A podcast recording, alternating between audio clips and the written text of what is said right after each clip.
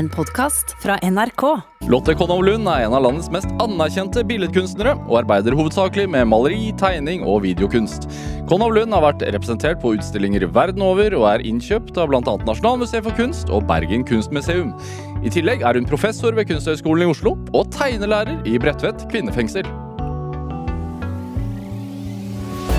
Dette er Drivkraft med Vegard Larsen i NRK P2. Lotte Konov Lund, velkommen til Drivkraft. Hei, tusen takk for at jeg fikk komme. Veldig hyggelig å ha deg her. Hvordan har du det? Jo, eh, det er jo en litt uh, merkelig setting, men jeg har det fint, jeg. det er jo uvant for oss vanlige Å bli å sitte i et studio. Ja.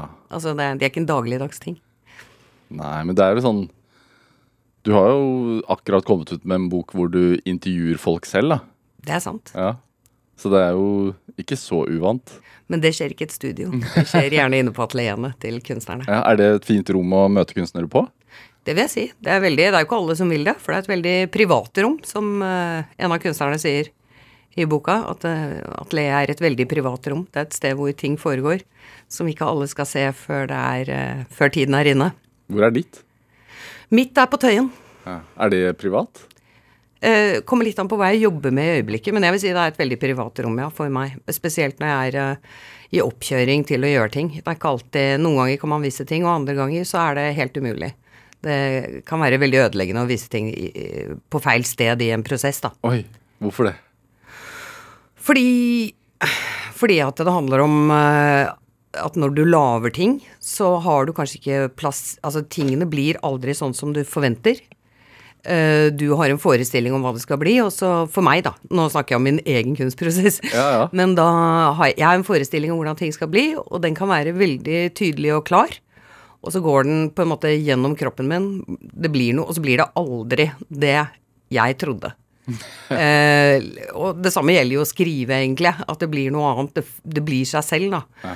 Og det eh, å begynne å forklare mennesker, eller snakke om det du gjør før det har falt på plass, det det blir liksom eh, Det kan ta drepen på det du gjør, faktisk. Så, så for meg er det veldig viktig at jeg, jeg gjør det på riktig tidspunkt. Fordi at det blir analysert i stykker, eller fordi at det skaper usikkerhet, eller hva er det Det handler jo om at folk eh, kommer inn med sine ting, som kan være veldig bra innspill. Ja. Eh, men det er også at de bare kan si en setning. 'Å ja, Så- så- det, er- verket har jeg sett et helt lignende verk før'. Altså hvor du kan bli litt sånn eh, Du kan bli litt sånn eh, at du tenker at det går, piffen går ut av deg, da, ikke sant, fra, fra å gjennomføre det. Men også at eh, jeg tror, for min egen del, så tror jeg veldig på det å, å Rett og slett å lage ting, og så si 'hei, hvem er du?' Eh, og så begynner du å, å snakke til meg. etterpå? Det, ja. Uh, og da begynner det liksom å fortelle meg hvem det er. Det er ofte sånn jeg ser på det å lage et uh, hva som helst da, av kunst. Har du et eksempel? Altså på noe der du har hatt en idé i hodet først, og så har du laget det, og så har det kommet noe, ut noe annet som har sagt hei, hei, hei, hei? Veldig mange, faktisk. Veldig, veldig mange verk jeg har lagd. Altså de For fleste. eksempel? For eksempel uh, når jeg lagde, jeg lagde en video da jeg gikk ut av Kunstakademiet som het Babyface Assassin. Som er en video hvor jeg sitter og snakker om en ting jeg har i lommen. Mhm. Eh, om Ole Gunnar Solskjær. Pass, altså, det er liksom, jeg føler at Ole Gunnar Solskjær alltid er aktuell i en eller annen sammenheng, og det er han nå igjen. Også veldig ofte her i Drivkraft. eh, Ja, han er det. Men den videoen, da, den, eh, den laget jeg jo eh, for å snakke om eh, hva det vil si å lage kunst. Og det var jo da i 1997. Og så eh, Kjøpt, kjøpt inn av Nasjonal... Altså Samtidskunstmuseet? Ja, den er faktisk eh, veldig kjøpt inn overalt, og veldig vist annet på NRK mange ganger. Fordi den, har, den er ganske humoristisk.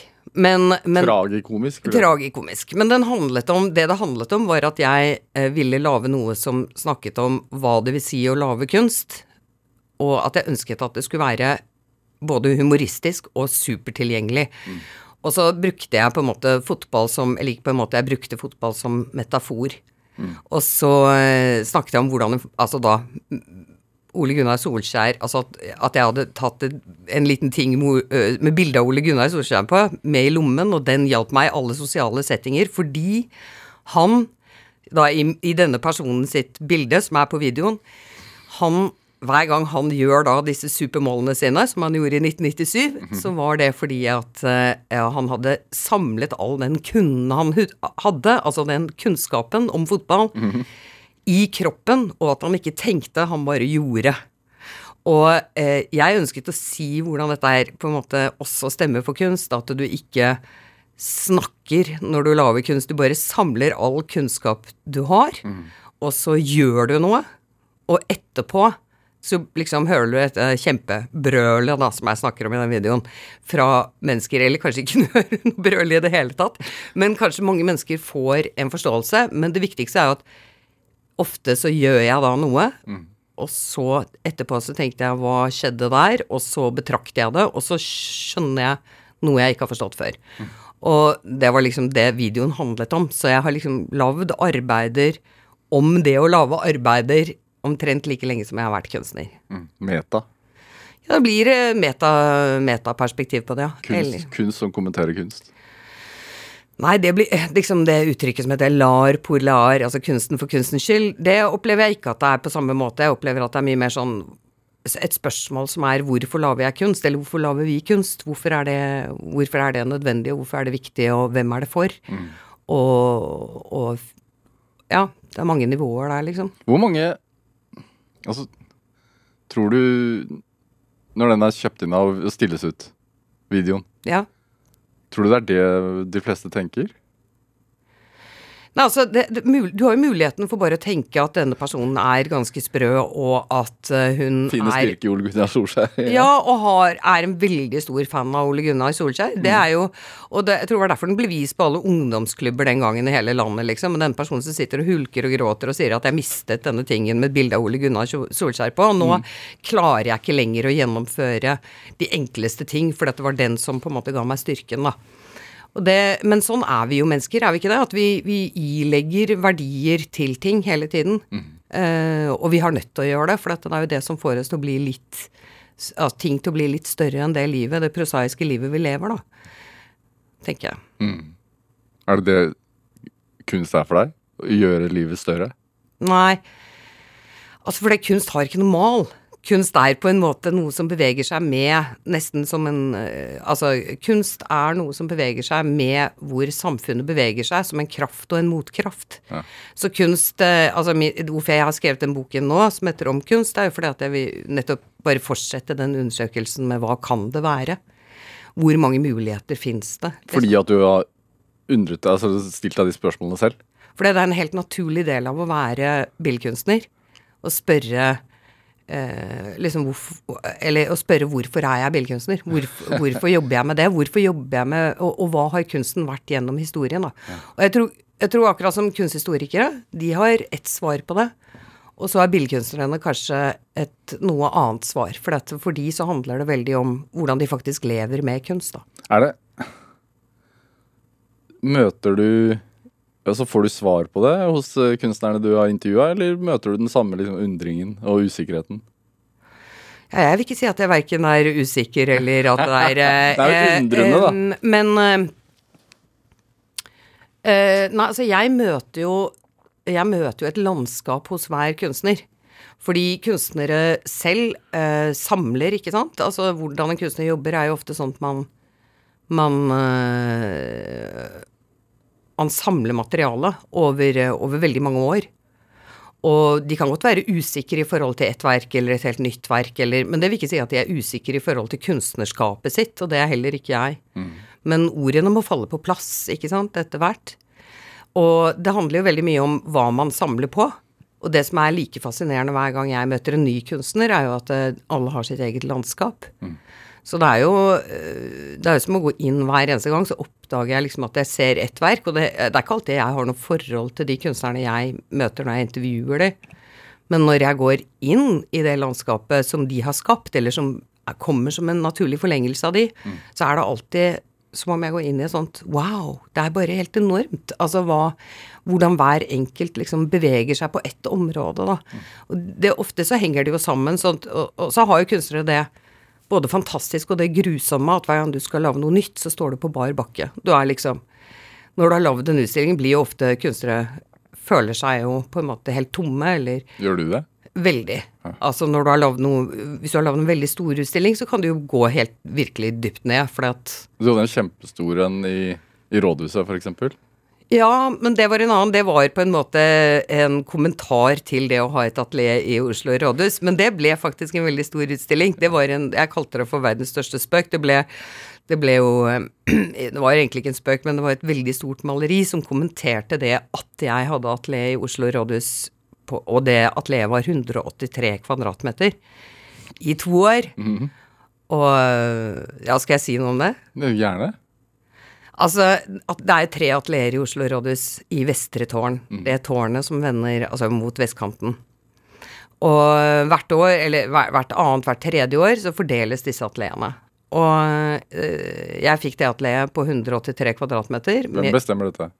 det er en jury, det som er oppsatt av Oslo kommune, eller som da bl.a. Billedkunstnerne i Oslo og Akershus, eller nå bare Billedkunstnerne i Oslo. Det er representanter da for rådhuset og de folkevalgte.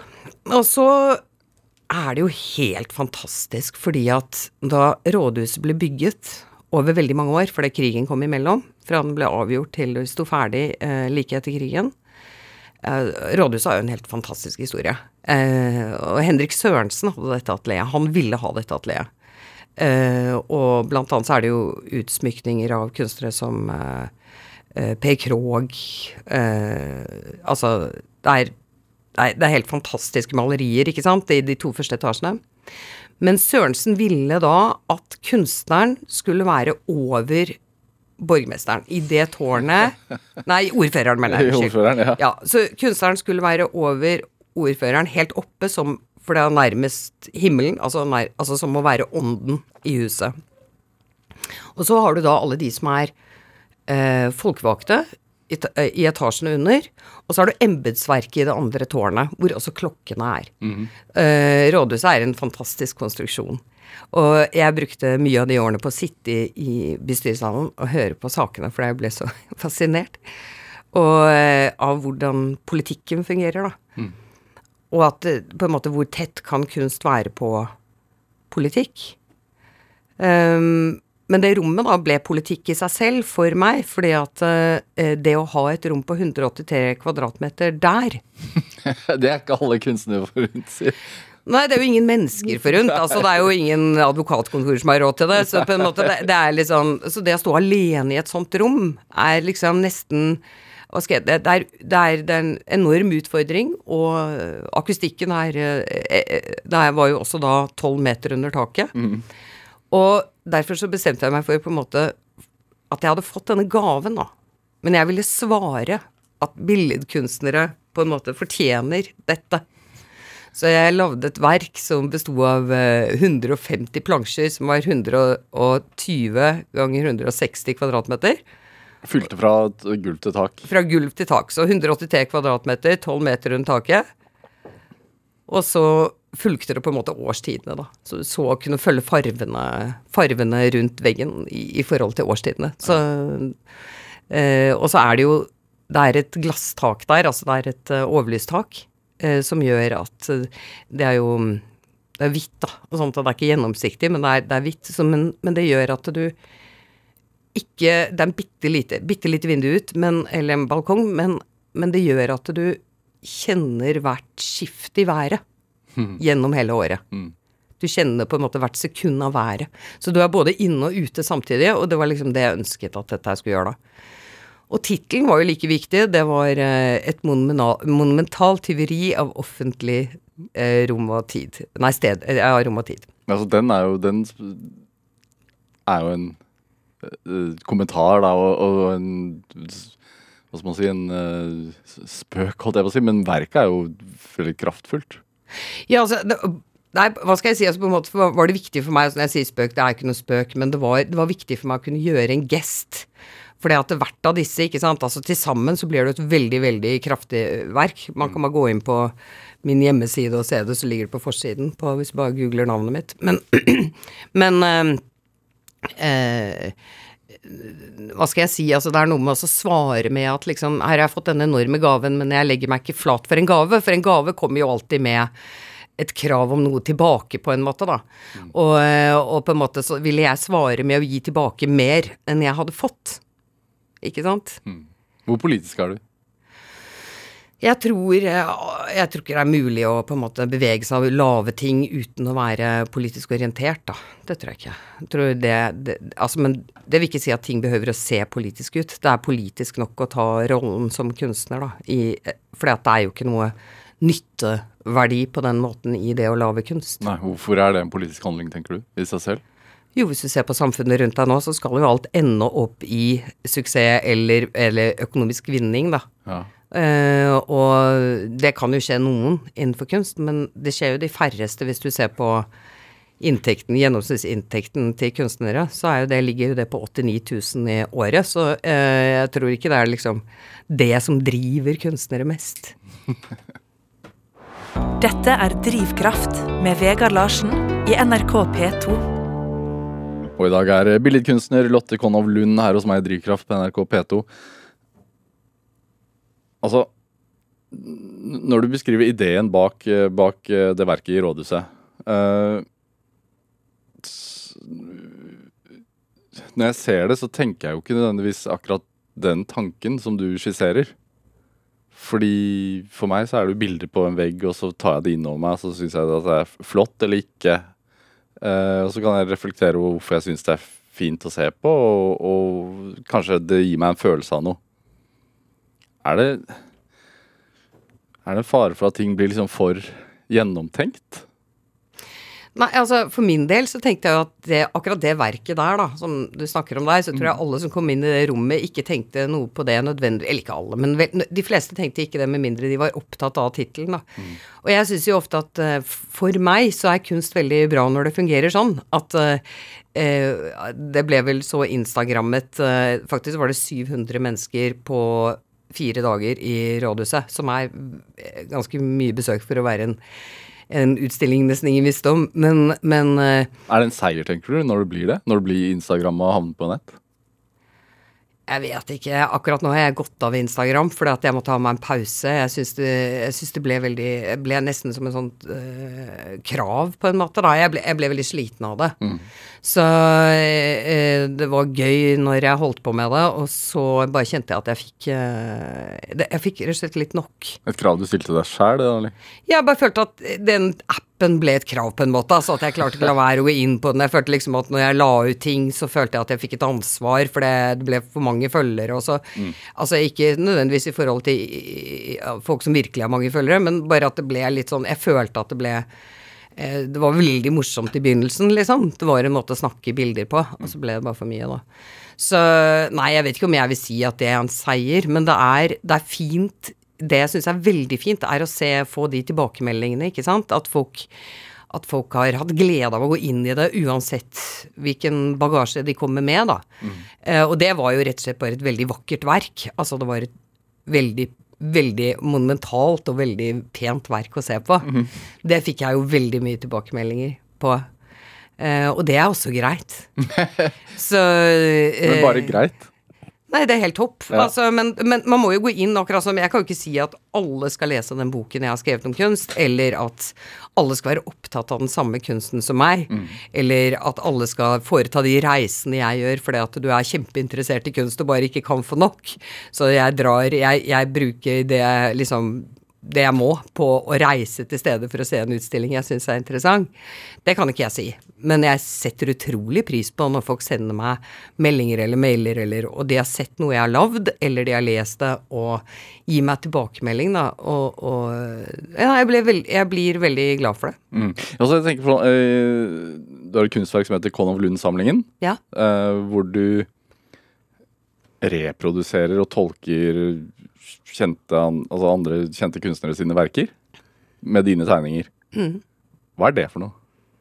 Det er, det er litt sånn tankelek over kunst, kan du si, men som også igjen har en visuell side, da. Så det er en kasse med litt sånn Vi spiller kunst. Eh, eh, så jeg tenkte en gang så tenkte jeg var vel så en eller annen kunstsamling her i Norge og tenkte ja, og dette her er en person som er sånn og sånn. Kanskje han er en mann, 60, har Altså, du så en faktisk samling? ja, en faktisk samling. Og så tenk- vi hva inneholder den samlingen. Og Og så begynner du å tenke Hva var innholdssamlingen? der? Nei, eh, altså det kan jo være Jeg, jeg har ikke noe interesse av å liksom men, men av å oute noen eller si at sånn eller sånn. Men, men det jeg kan si, er at hva jeg tenkte, den fikk meg til å tenke Hva ville jeg samlet på? Ja.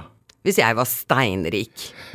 Altså, hva ville jeg som da har vært liksom kunstnerd og er glad i kunst og lager kunst selv, og er opptatt av å lage kunst, og den måten jeg ser kunst på, hva ville jeg ha samlet? Og så tenkte jeg, jeg har jo ikke penger til å kjøpe Edvard Munch, f.eks. Mm. Men jeg ville jo hatt en samling Jeg er jo interessert, akkurat som når vi hadde plater eller CD-er, så var jo min CD-samling hadde jo f.eks. en veldig stor kvinneandel. Og jeg ville jo da, hvis jeg hadde økonomi til det, så ville nok jeg hatt en samling som f.eks. hadde en stor kvinneandel. Jeg er interessert i kunstnere fra andre land. Jeg ville kanskje ha hatt en stor del av det som ikke nødvendigvis var liksom uh, Det ville ikke vært en veldig uh, ensrettet samling, da, tror jeg, på den måten. Men så, så derfor så begynte jeg å undersøke det ved å si at nå lager jeg tegninger av andre kunstneres arbeider. Og så Og da skal jeg samle på kunstnere som på en eller annen måte er eh, I første omgang skulle det være en norsk samling. Og så får den heller da etter hvert utvikle seg. Så jeg har kjøpt tre sånne veldig dyre museumskasser. Men jeg har bare fylt én. så den er liksom åpen for at jeg kan jobbe med dette resten av livet. samle, man skal jo samle livet ut, er det ikke det? Jo, og så er det jo sånn at når du lager når du, når, du, når du fyller på noe, da De tingene jeg opplever For det, når du prøver, det blir litt som å spille Monopol, da, kanskje, kanskje litt nærmere kunsten enn en, en Monopol og eie masse, masse bygninger. Men det er jo sånn at når du kjøper deg noe, så forandrer det helheten, ikke sant? Så altså, når, når jeg innlemmer et nytt verk, så Ja. forandrer det også det, det, det rører på de andre verkene. Det sier noe om samlingen. Ja, Ja. Hvordan da? Altså, du har Bjarne Melgaard der, eksempel. Ja, jeg har noe Bjørn Melgaard der Ja. i samlingen, og jeg har noe Munch, ikke sant. Men jeg har også kunstnere som eksempel eh, en som heter Kristin Kanter, som du sikkert ikke har hørt om, som er en veldig god maler. Eller Elisabeth Mathisen, en av mine favorittkunstnere, som er eh, 10-15 år eldre enn meg. Eh, nei, er ikke 7-8 år eldre enn meg, kanskje. Ja. Eh, lager nydelige ting. Og disse tingene, altså Edvard Munch og Elisabeth Mathisen, vil ikke nødvendigvis møte hverandre i virkeligheten. I, altså det kan, men det vil nødvendigvis ikke gjøre det. Så du er litt kurator også? Du viser Nei, men altså i samlingen, når jeg da plasserer de Det er jo alle samlere er jo også kuratorer, for at de velger jo ut, ikke sant. Det er jo det det er å kuratere, det er å velge ut. Så når jeg da tar og setter de to sammen, så skjer det jo da Han tar liksom en versjon av Syk pike av Edvard Munch og et Elisabeth Mathisen-videoverk eh, som handler om at hun gjør ting i hjemmet sitt.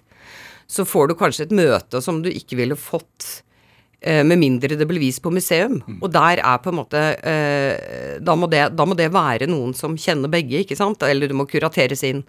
Og det er jo eh, ofte sånn at noen verk er så dyre at de ikke møter de verkene som ikke er så dyre. Skjønner du?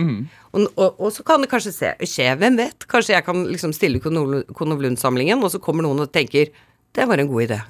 Det får vi lyst til å lage. Og så, og så åpner det opp da, for et, et eh, bredere spekter av kunst, kanskje. Men er du opptatt av det eh, hvorfor samlere eller folk kjøper den kunsten de gjør, og har på veggen hjemme? Altså sånn At man, Nei, man, at man skaper seg en Eller kjøper seg en kulturell kapital. For eksempel, fordi at man har de og de bildene på veggen. Sånn som du sa i forhold til den samleren du, du nevnte, da, at du kunne forestille deg hvem personen var, og hvilken bakgrunn den hadde, ut ifra hvilken kunst den hadde på veggen. Nei, altså hva selv, altså selv er jeg bare veldig interessert i kunst, ikke sant. Altså jeg får kunstopplevelser. Jeg har, jeg har på en måte uh, levd et liv hvor det gir veldig mening. Det å ha kunst, det å se kunst. Jeg, I helgen har jeg vært på to utstillinger og, og Hva har du sett? jeg så en veldig fin utstilling av en som heter Marianne Brekke, som står ut denne uken i, på Galleri Kube i Bygdø allé. Anbefales. Og så så jeg Terje Nikolaisen, en kollega som er på Boa i, i, nede ved Hansken her i Oslo sentrum. Ja, hvorfor var det gode kunstopplevelser? Nei, de er så forskjellige at de er nesten diametralt forskjellige, og, og Marianne Brekke er så presis i sin malemåte, og det er så Det er sånn at du blir stående og lure på Altså, det er farvemessig, så er det så eh, Hun jobber så tett inntil farven.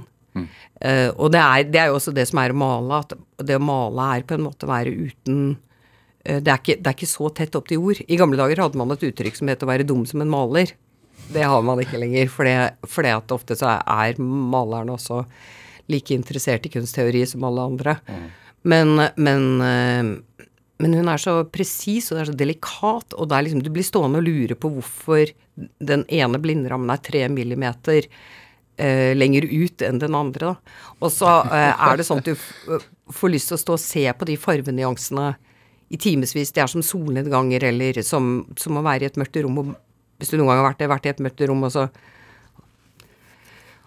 og så vender øynene dine seg til lyset, og så ser du bare svake konturer. Altså på en måte hun klarer å male dette, disse tingene i farve som, som er nesten umulig nesten å oppfatte. Ja. Treffer det da hjertet ditt? Det høres sånn ut. Ja, det, akkurat den utstillingen gjorde det, altså.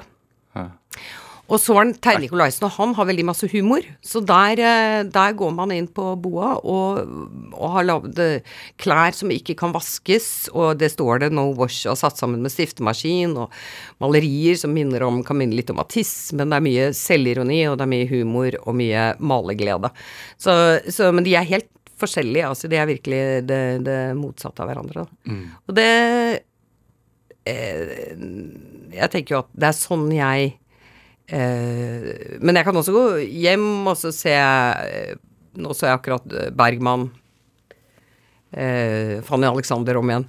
Eh, og fikk en kjempestor opplevelse av det, så på en måte det, det, det skiller seg jo ikke, de opplevelsene. Men det er jo noe man oppsøker. Det er jo noe man vil utsette seg for, da, kunstopplevelsen. For å. Fordi at det er det som gir livet meningsfylt. Det kan vi være enig i. Um, Lotte Kono Lund, vi skal spille litt musikk. Ja. Vi skal spille musikk fra en annen kunstner. Nemlig ja. Dolly Parton. ja. Ja. Hvorfor det?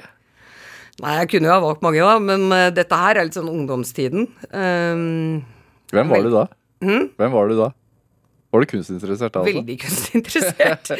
veldig opptatt av kunst. Men dette her, er, eh, dette her er minner mellom meg og gode venner fra vi var eh, kanskje 20, da. Og det er en veldig fin låt. Den er jo, den er jo litt sånn Det er bluegrass, da. Den, og en, en plate som heter The, The Grass Is Blue, som hun fikk veldig masse pris på. Veldig, veldig fin. I hvilke, altså Når spilte dere Silver Dagger? Nei, den er jo ikke så gammel, den skiva der. Altså, men Jolene er kanskje litt vel uh, Den er for kjent. Den er for oppbrukt, ja. Ja, den er Ja. litt oppbrukt. Dette her er like fint, syns jeg. Så skal vi snakke om ungdomstiden etterpå. Ja, ja.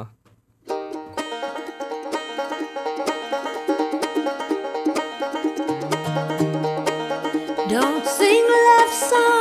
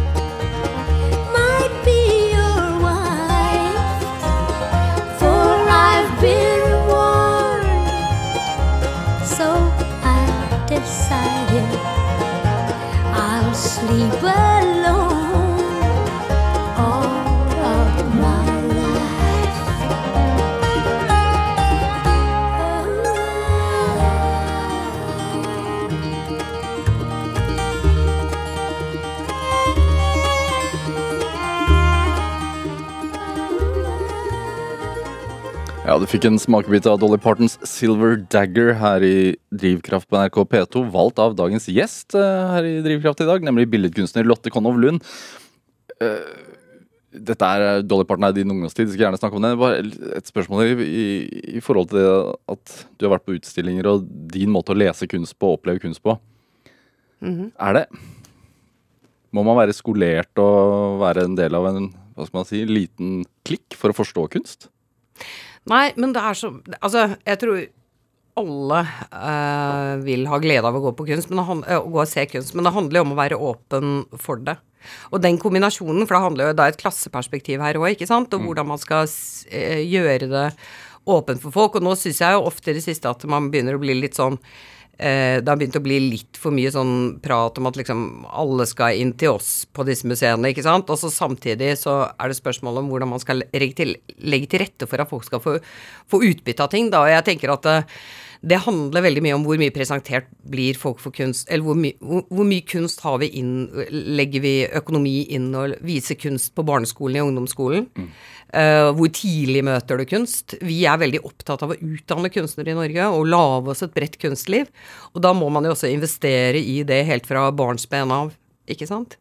Uh, og det tenker jeg at det, det Å lære å lese det, mener du? Det, det er ikke noe annerledes. Du leser ikke bøker hvis du ikke blir presentert for bøker. Eh, Du, du reiser ikke hvis det ikke er et alternativ. Nei. Eh, og det blir veldig rart å si disse tingene, liksom du er voksen, nå skal vi presentere deg for et nytt museum, hvis man ikke liksom legger inn støtet da, som samfunn i at eh, vi ønsker at folk skal få denne gleden som noen av oss har, har opplevd, ikke sant? Eh, og jeg tror at i, da, da vi var små, så var jo kunst mye mer integrert, f.eks. på TV og, og i radioen. Man hadde en måte å snakke om det på som var at det var selvfølgelig. Det var en naturlig del av vårt samfunn. Mm. det var ikke snakk om at liksom øh, kunsten er elitistisk. Og det er vel kanskje noen nå har lagd, at den er elitistisk. Jeg Er, er den det? Nei, i seg selv er kunsten overhodet ikke elitistisk. Det er jo noen som gjør den til å være. Så det er på en måte den bagasjen man selv kommer med til kunsten, eller det man pakker kunsten inn i. Men kunsten er ikke verken eller. Kunsten er det samme som å si er bokstavene elitistisk? er ordene elitistisk? Du får ikke lov. Hvilken bøker åpner du, og hvilken føler du at du eh, ikke ikke, ikke, ikke, det, ikke, det er ikke på din plass å åpne de. Så hvis du lager et inngangsparti som gjør at ingen føler seg hjemme, så vil du kanskje øh, på en annen side lager du et inngangsparti som er så lite lekkert at ingen føler seg hjemme der heller, så er jo det et problem, det òg. Men, øh, men øh, Snakker du om et spesifikt museum nei, nå, nei, nei, nei, Ja, det er det du gjør. Nei, hva er liksom Hva skal man gjøre da for å få folk til å gå inn og føle seg, føle seg hjemme? Og den diskusjonen øh, er jo viktig. Altså, ja, jeg vet ikke om du kan skille egentlig formidlingen av kunst fra kunst i det hele tatt. Du, du har vært tegnlærer på Bredtvet kvinnefengsel i mange år. Ja. Er det en del av å Hva skal man si? Skolere folk? Nei, jeg, jeg deg selv? med- Jeg er ikke, jeg er ikke um, Du er predikant. på, du er Eh, professor på Kunsthøgskolen, altså det Ja, men jeg er ikke predikant. Eh, nei, jeg, jeg, eh, jeg eh, fant ut at det å være kunstner kan åpne opp for rom. For jeg, jeg, jeg gjorde et annet prosjekt først, i Botanisk hage, og så spurte jeg etterpå Og det var så vakkert å være der, så da spurte jeg etterpå, og tenkte jeg, kan jeg også komme inn i et fengsel? I kraft av å være billedkunstner? Det er det mest lukkede vi har i et samfunn, selvfølgelig. Så jeg spurte om det. Og det, det, det hadde jeg tenkt å gjøre i ett år, men det var så utrolig bra å komme inn og være der og lære på en måte både om verden og om mennesker. Hva lærte du da?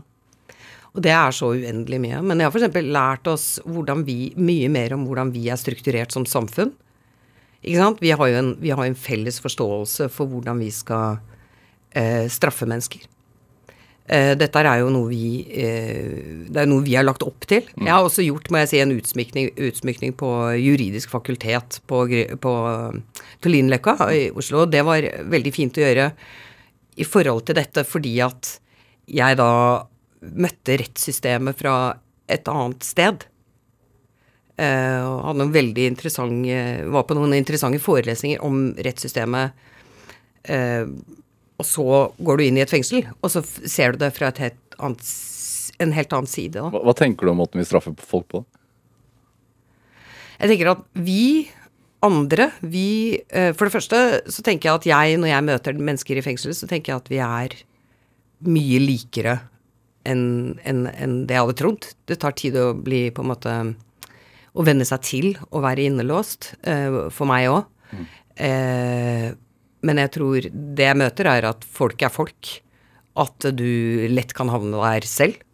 Eh, altså på en måte det det er noe som har skjedd noen et eller annet sted. Og så opplever jeg at de er veldig klar over rettssystemet de jeg møter, de fleste, nesten alle, eh, og diskuterer det.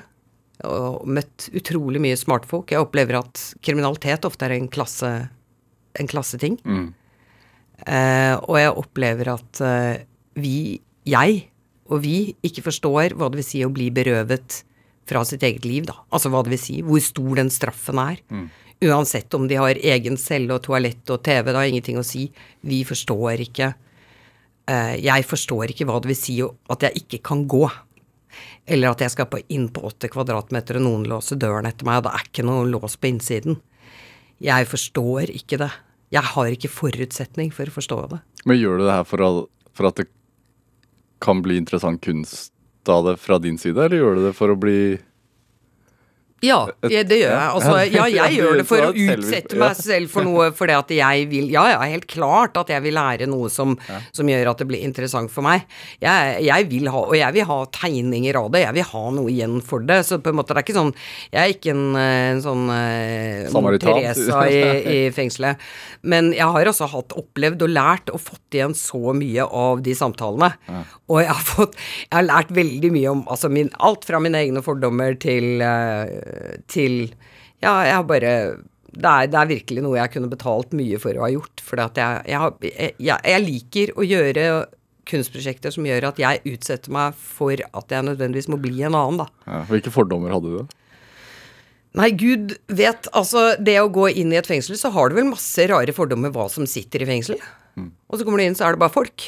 Eh, og jeg har internasjonale eh, innsatte fordi at eh, de De får ikke De kan ikke nødvendigvis delta på norsk skole i fengsel.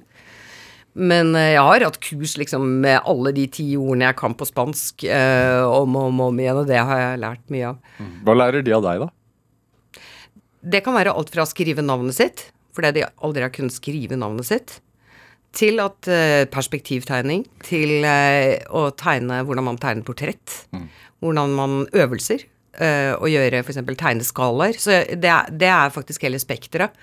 Uh, for det, du vet aldri hvem du treffer. Så det er, det er hele spekteret fra de som ikke har skrevet navnet sitt, til de som er skit gode å tegne. Veldig mange er opptatt av tatoveringer, f.eks. Så eh, vi har, ofte diskutert det og, og hatt med sånne tatoveringsblader i nå. Mm. Var du skitgod til å tegne da du For noen er jo medfødt med gode tegneegenskaper.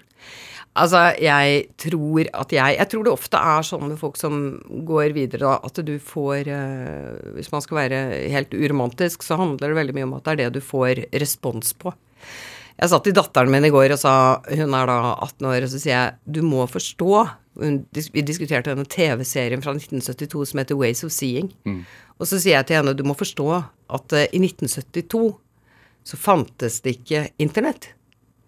Og så ble, så jeg at noe skjedde bak øynene der som ble helt sånn liksom, Altså, du, det tas like mange bilder i minuttet som det ble tatt i hele det 20. århundret nå.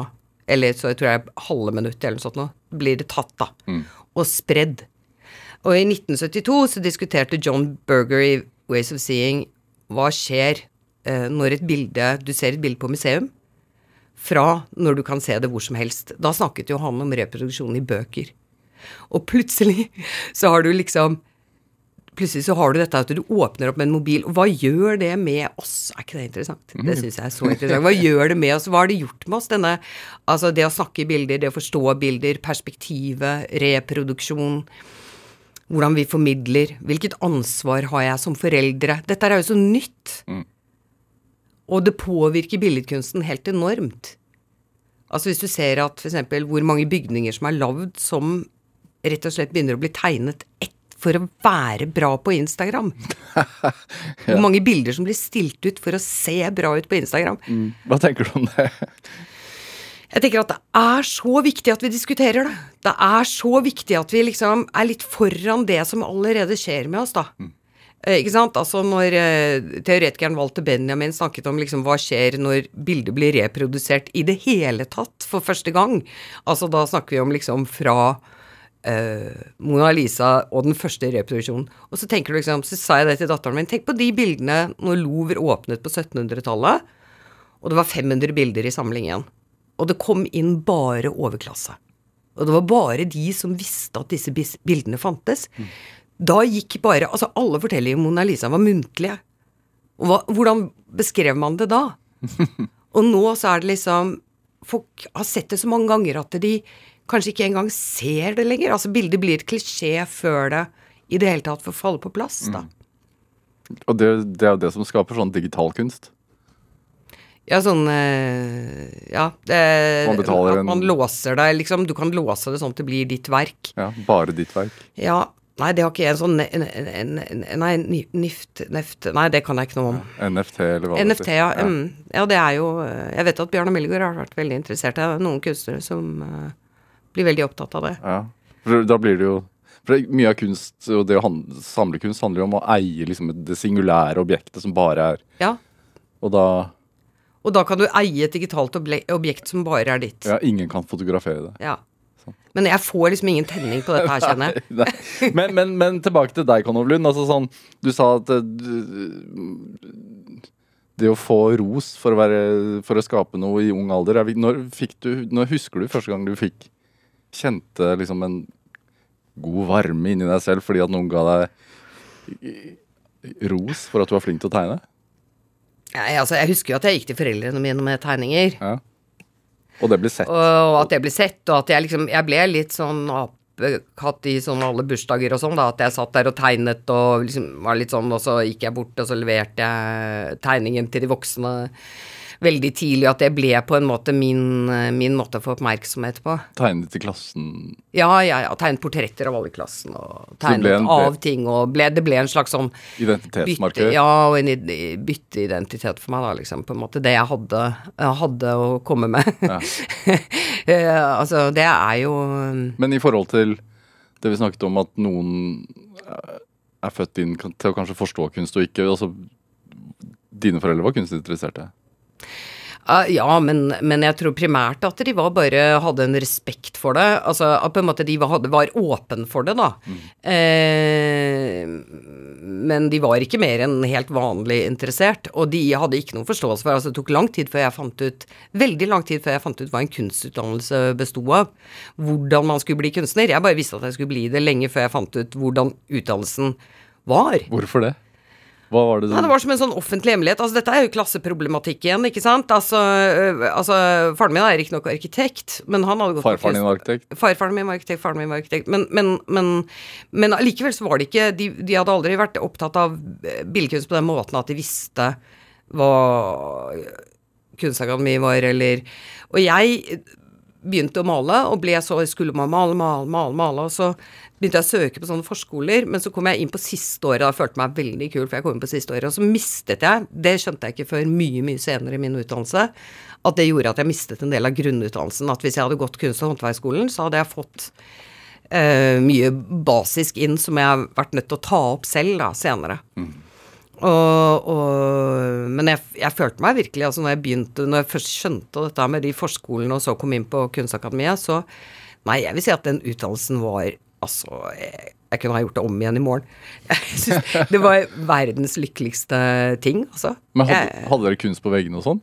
hjemme. Ja. Vi hadde reproduksjoner. Ja. Ikke kunst. Jo, vi hadde, vi hadde faktisk noen bilder av Einar Granum, han som startet Granum kunstskole. Ja. Men vi hadde masse reproduksjoner av Monet, og av eh, Munch, selvfølgelig. Av, eh, vi, har- moren min samlet på bøker som hun kjøpte på loppemarked med kunstnere. Ja.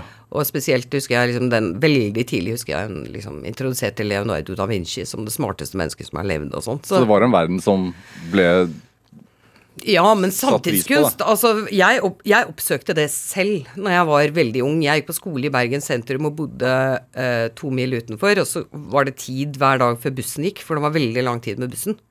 Og så lå Kunstforeningen ved siden av busstasjonen. Så jeg var veldig ung da jeg begynte å gå inn på Rasmus Meyer-samlinger og på, øh, på, på øh, Bergen, det som heter Bergen kunsthall i dag, da. Så jeg var der hele tiden. Aleine. Ja, alene. Fra jeg var kanskje ja, åtte-ni år, gikk, begynte jeg å gå ned der. Og, og, og derfor så husker jeg også sånne ting som altså, og, altså foreldre, Faren min gikk jo på disse kunstforeningene, han var medlem av kunstforeningen og sånn. Men de var skilt, så jeg så ikke han så ofte, da. Men jeg husker jo f.eks. Håkon Bleken sin utstilling, og det er veldig fint når jeg da snakker med Håkon Bleken og gjør et intervju med han og liksom, eller har blitt kjent med han i voksen alder, da. Så Hva- er det veldig fint. Men hva så du etter som barn, da? I, i den kunsten du så? Nei, jeg visste jo ikke hva jeg så etter. Og det, jeg bare visste at kunst var veldig viktig for meg, og at jeg var flink til å tegne. Og så visste jeg jo ikke hva jeg så etter. Eh, og det tok jo veldig lang tid.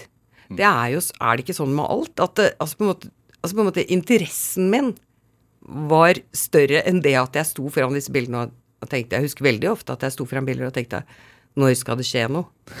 Med deg? Ja. Eller med bildene? Med meg. Ja. Når skal det skje noe? Altså, jeg husker det veldig godt når jeg var 18 år og reiste til, til eh, Paris for å se van Gogh, for jeg hadde lest 'Han som elsket livet'. Og jeg sto foran uh, noen bilder og bare ventet og ventet og ventet og tenkte 'nå kommer det'. Og ingenting skjedde. Og så gikk jeg inn i neste rom, og der var Gauguin, og så bare sa det pang! Nei, er det sant? Ja, og det eksploderte, og jeg tenkte hva er disse farvene, liksom? Og det Farvene, da, ikke motivene, må jeg si til mitt forsvar, for han har jo Unge piker eh, ja, han, han, han, han, var en gris, si. han var en gris. Ja. Dessverre.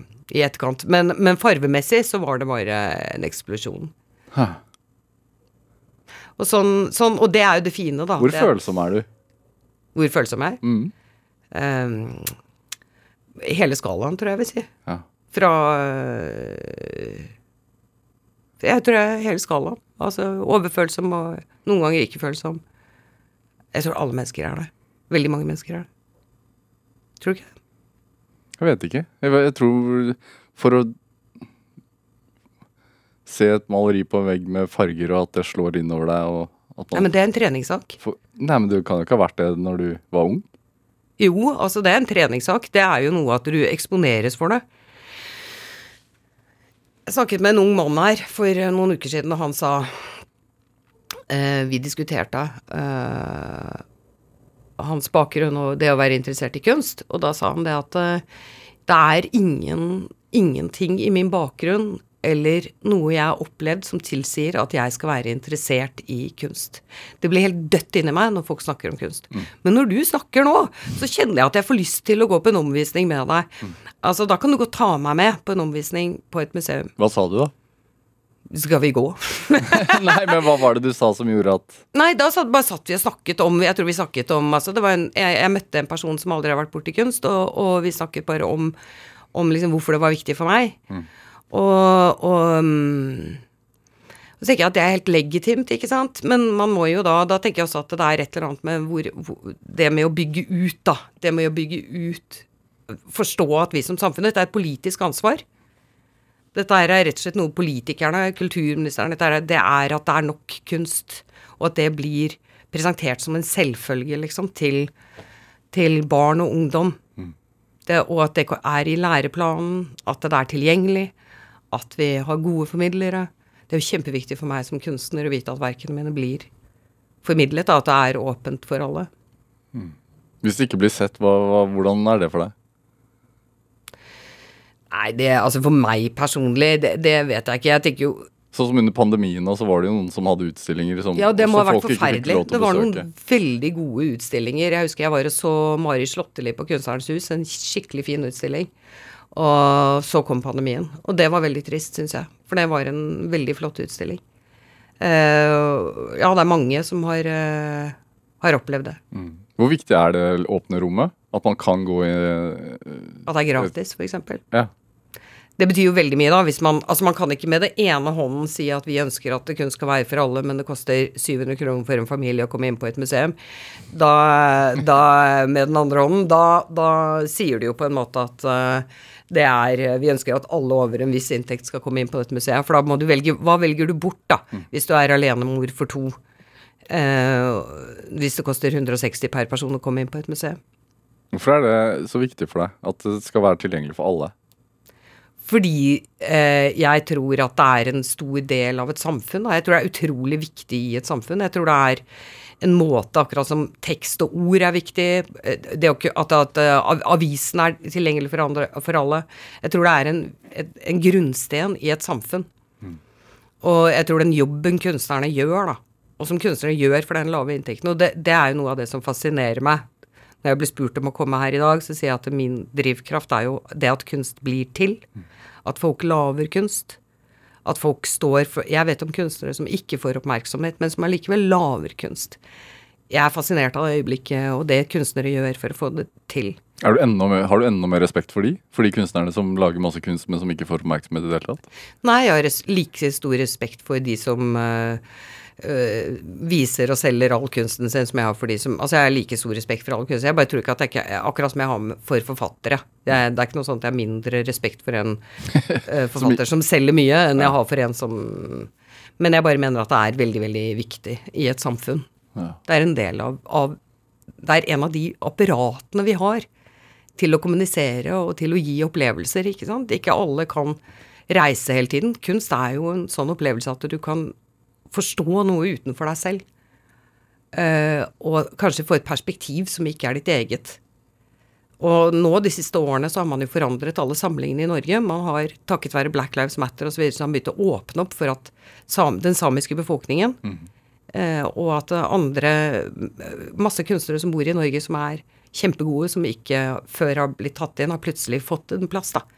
Det gjør også at vårt perspektiv på samfunnet forandrer seg, ikke sant? Og det er det jeg vil være med på å lage selv, da. Med mine egne verk. Er det liksom et tilbakevendende tema på et vis? Hva tenker du da? Samfunnsforståelse? Nei, altså det handler jo om å kommunisere. Kunst handler jo om kommunikasjon, og, og hvis du kaller samfunns... eh, altså det å kommunisere er vel det vi driver med alle sammen. Vi er en del av en, en større Vi er del av noe større da, enn oss selv. Og, vi, og så handler det om det å, å ha mening i det vi gjør, ikke sant? Mening i livet vårt. At det er viktig. Det er veldig viktig at vi føler mening. Det har vi jo veldig kjent på under pandemien. Eh, jeg leste i avisen her forleden om en gutt som hadde mistet åtte av sine bekjente i, i selvmord. Og, og, og det er jo ikke tilfeldig at det skjer på et tidspunkt hvor man ikke har eh, muligheter for å treffe andre og oppleve noe sammen. Er det Hvor ofte setter du deg ned og tegner? Hver dag. Alltid. Har du noen fast rutine på det? Nei. Nei, det bare skjer? Nei, det er eh, Jeg, jeg går aldri f.eks. på en forelesning uten å ha med meg en tegneblokk, for det, eh, jeg eh, oppdaget ganske tidlig at jeg er sånn som liker å gjøre flere ting samtidig. Skrible mens du tenker? Nei, jeg tegner mens jeg tenker. Beklager. Og, jeg hører på lydbok når jeg maler. Ja. Hvorfor funker det best sånn? Eh, altså, Det kommer litt an på hva jeg maler. da. Noen ganger så kan jeg ikke hvis jeg skal gjøre noe Altså, det er hvis jeg gjør noe repeterende, da. Men, eh, men eh, eh, Nei, jeg, jeg funker sånn. Altså, jeg tror det var fordi at vi var mange søsken, og fordi det var mye lyd rundt meg hjemme. Så jeg tror at eh, jeg liker å gjøre flere ting. Datteren min sier at jeg er en, en person som tror jeg er multitasker, men som ikke er det, og at jeg er helt håpløs. Uh, men det Ok, da, sier jeg, men det så sier jeg nei, jeg er god til å multitaske. Nei, sier hun, det er du ikke. Men uh, sånn er det. Men, du, men må du i atelieret, eller kan du sitte hjemme? Eh, akkurat nå er jeg inne i en veldig bra atelierperiode. Så akkurat nå så, så eh, er- handler det om å gå på atelieret. eh, og bare være der. Bare kjenne på den følelsen. Og prøve å, å jobbe opp en Det er litt som å varme opp, og, og du varmer litt opp først, og så er du i gang. Ja. Og bare være til stede, da. Hvordan er det å ha lidenskapen som jobb, egentlig? Hva sa du? Du har jo lidenskapen din som jobb. Jo, det er jo ofte sånn at folk tenker at du er lidenskapen din som jobb, så du trenger ikke betaling. Eller, eller at eh, man tenker at f.eks. er du skamløs hvis du både er formidler og skal lage kunst. Eh, samtidig som man ser at f.eks. For forfattere ofte er opptatt av poetikken samtidig som de er opptatt av å, å, å, å skrive selv. Og jeg ser ikke noen motsetning i de tingene da. Jeg føler meg bare veldig privilegert som gjør noe jeg er glad i. Men det er en jobb, på lik linje med alle andre jobber. Jeg er veldig glad for at du gjør den jobben. da, Lotte Konno Lund, tusen takk for at du kom til Drivkraft. Det var det vi rakk. Tusen takk for at jeg fikk komme. Hør eh, flere samtaler i Drivkraft i appen NRK Radio eller på nrk.no, eller du kan laste oss ned eh, på en podkasttjeneste om en ukes tid. Men nå også, så ligger vi på NRK Radio som pod der. Send oss gjerne tips til mennesker du mener har drivkraft. Send en e-posten til drivkraft, krøllalfa, nrk.no. Vi hører gjerne fra deg. Følg oss også gjerne på Instagram, selv om Lotte Konovlund ikke er noe særlig glad i den tjenesten lenger. Så på NRK Drivkraft der har du en bildeoversikt over alle som har vært gjest i dette programmet. Produsent i dag, det var eh, Julia Martincic. Tobias Brynildsbakken Huse gjorde research til dette programmet. Jeg heter Vega Larsen. Vi høres. Du har hørt en podkast fra NRK. De nyeste episodene hører du først i appen NRK Radio.